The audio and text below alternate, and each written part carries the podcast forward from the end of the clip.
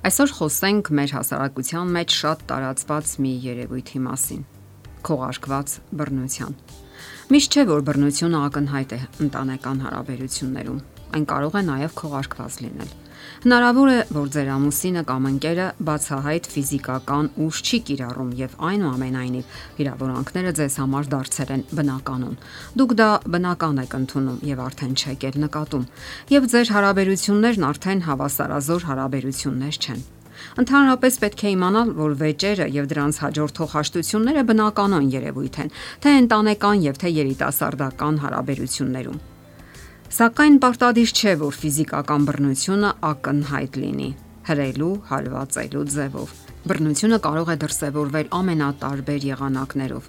վիրավորանքի ձևով, վախեցնելու, սպառնալու, նվաստացնելու, յուրաքանչյուր քայլին հետևելու, զգացմունքները անտեսելու, ստելու, սեռական բռնության ենթարկելու ձևով։ Ընտանեկան բռնության զոհերի հետ աշխատող մասնագետները նշում են թաքնված բռնության բազմաթիվ նշաններ, որոնք առկա են անլիարժեք ընտանիքներում։ Եվ բռնության այդ դրսևորումներից տարապում են թե կանայք, թե տղամարդիկ։ Իսկ ովքեր են ավելի շատ ենթակա բռնության։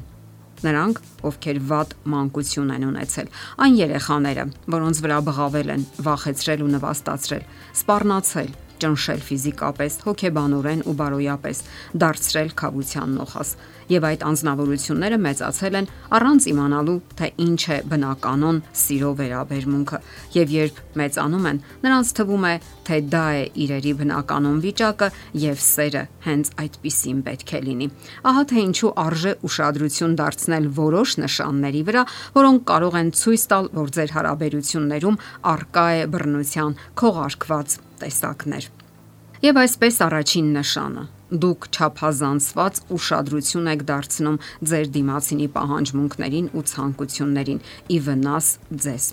Սա նշանակում է, որ դուք բարի ուղակի եւ անուղակի իմաստով տանը քայլում եք ոտքերի թաթերի վրա, որpիսի հանկարծ չխաթարեք նրա անդորը։ Հավանաբար դուք հենց այդպես էլ վարվել եք ձեր հայրական տանը եւ այժմ դա կրկնում եք թե ամուսնական հարաբերություններում, թե գործընկերների հետ եւ ընդհանրապես ամենուր Գերադասում եք չարտահայտել ձեր կարծիքը, արդարացնում եք նրա պահվածքը, երբ վիրավորում է ձեզ, եւ այս բոլորի արդյունքում դուք չեք կարողանում լսել ձեր ներքին ձայնը։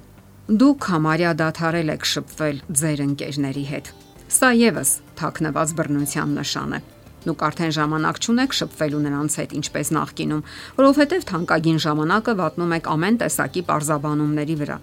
եւ փոխանակ ձեր ամուսնու հետ գնաք որևէ տեղ հանգստանալու եւ զվարճանալու, ժամանակն անց եք կասնում անիմաստ վիճաբանությունների վրա դուք ձեզ մեկուսացման մեջ եք զգում։ Ձեր կողակիցը պահանջում է, որ ամբողջ ուշադրությունը իրեն նվիրեք։ Հնարավոր է դուք նույնիսկ արդարացնում եք նրան եւ ներում, մտածելով, որ հենց դա է սերը եւ աստիճանաբար կորցնում եք վստահությունը ձեր ուժերի հանդեպ եւ սկսում եք ձեզ մեղադրել բոլոր հիմնախնդիրներում։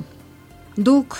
փորձում եք ամեն կերպ խուսափել ամեն տեսակի բախումներից։ Սա եւս բռնության մի յուրահատուկ ձև է։ Փոխանակ արտահայտելու եւ վեր հանելու ձեզ հուզող ցավոտ հարցերը դուք գերադասում եք լռել, որpիսի խաղաղություն պահպանեք։ Ընդ որում խուսափում եք վիճաբանություններից ոչ միայն ընտանիքում, այլ նաեւ աշխատավայրում։ Հնարավոր պատճառն այն է, որ ընտանիքում այնքան եք վիճում, որ էլ ուժ ու երանգ չի մնում նույնն անելու նաև աշխատավայրում։ Դուք parzapes կծկված եք։ Նույնիսկ ուժ չունեք պաշտպանելու ձեր շահերը եւ շատ ավելի հեշտ է հարմարվել իրավիճակին, քան դարձյալ վիճել ու անհանգստանալ հերթական լարվածության ու սպասվող անախորժությունների համար դուք չեք գիտակցում ձեր պահանջմունքներն ու զգացմունքները։ Սա եւս բռնության թակ նված ձև է։ Այն մարդիկ, ովքեր ապրել են պայթյունավտանգ եւ անհավասարակշիռ ծնողների հետ, սովորում են առաջին տեղում դնել նրանց պահանջմունքները եւ հոգալ նրանց մասին։ Եվ այդպիսի ընտանիքում մեծացած մարդը նույն կերպ է վարվում նաեւ սիրելի անznավորության հետ եւ մոռանում իր սեփական պահանջմունքները։ Արդարացնում է նրան եւ անընդհատ մեղադրում իրեն, անտեսում է իր պահանջմունքներն ու ցանկությունները մերձավորներին հաճոյանալու համար։ Երբեմն դուք ուժեղ հոգնածություն եք զգում, Սա եւս բռնության թաքնված ձև է։ Դուք ամբողջ օրը ձեզ հոգնած ու քամված եք զգում ու ավելի ու ավելի եք դժվարանում ընդունել ձեր ամենօրյա սովորական որոշումները, կատարել առօրյական առաջադրանքները։ Ձեր գլուխը կարծես մշուշի մեջ է եւ դուք արդեն վստահ չեք, որ ձեր պահանջմունքները կարեւոր են։ Դուք դադարում եք ձեզ կարևոր ու լավատեղյակ անznավորություն զգալ, չեք վստահում ձեր գիտելիքներին ու փորձին։ Դուք զբաղվում եք սեռական հարաբերությամբ առանց ձեր ցանկության ու կամքի։ Սա եւս բռնության թաքնված ձև է։ Այս դեպքում չեք ցանկանում, սակայն զբաղվում եք սեռական հարաբերությամբ, որpիսի խաղաղություն պահպանեք։ Ավելի հաճախ են կրկնվում նման տեսարանները։ Ամեն անգամ, երբ դուք ինչ-որ բան եք անում ձեր կամքին հակառակ, որpիսի չգնաք վեճերի, ուրիշներին եք հանձնում ձեր ուժն ու կամքը։ Այսինքն դավաճանում եք ձեզ։ Դուք նորից ու նորից ներում եք։ Սա եւս բռնության ձև է։ Անկասկած է, որ հանուն սիրելի անznավորության մենք զոհաբերությունների ենք դիմում, սակայն երբ տեսարանները կրկնվում են նորից ու նորից, հարաբերությունները դառնում են անհավասարազոր։ Դուք ներում եք կոպիտ վերաբերմունքը, տալիս եք վերջին հնարավորությունը վստահելով նրան, իսկ դիմացինը շարունակում է շահարկել եւ դա դառնում է սովորություն, որն արդեն վատ նշան է։ Իսկ ինչքան կարող է շարունակվել դա։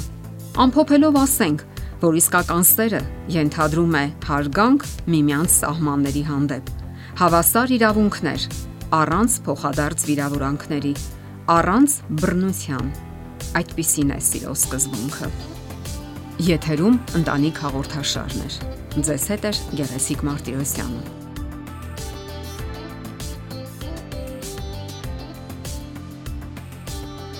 Հարցերի եւ առաջարկությունների դեպքում զանգահարեք 094 08 2093 հեռախոսահամարով։ Հետևեք մեզ hopmedia.am հասցեով։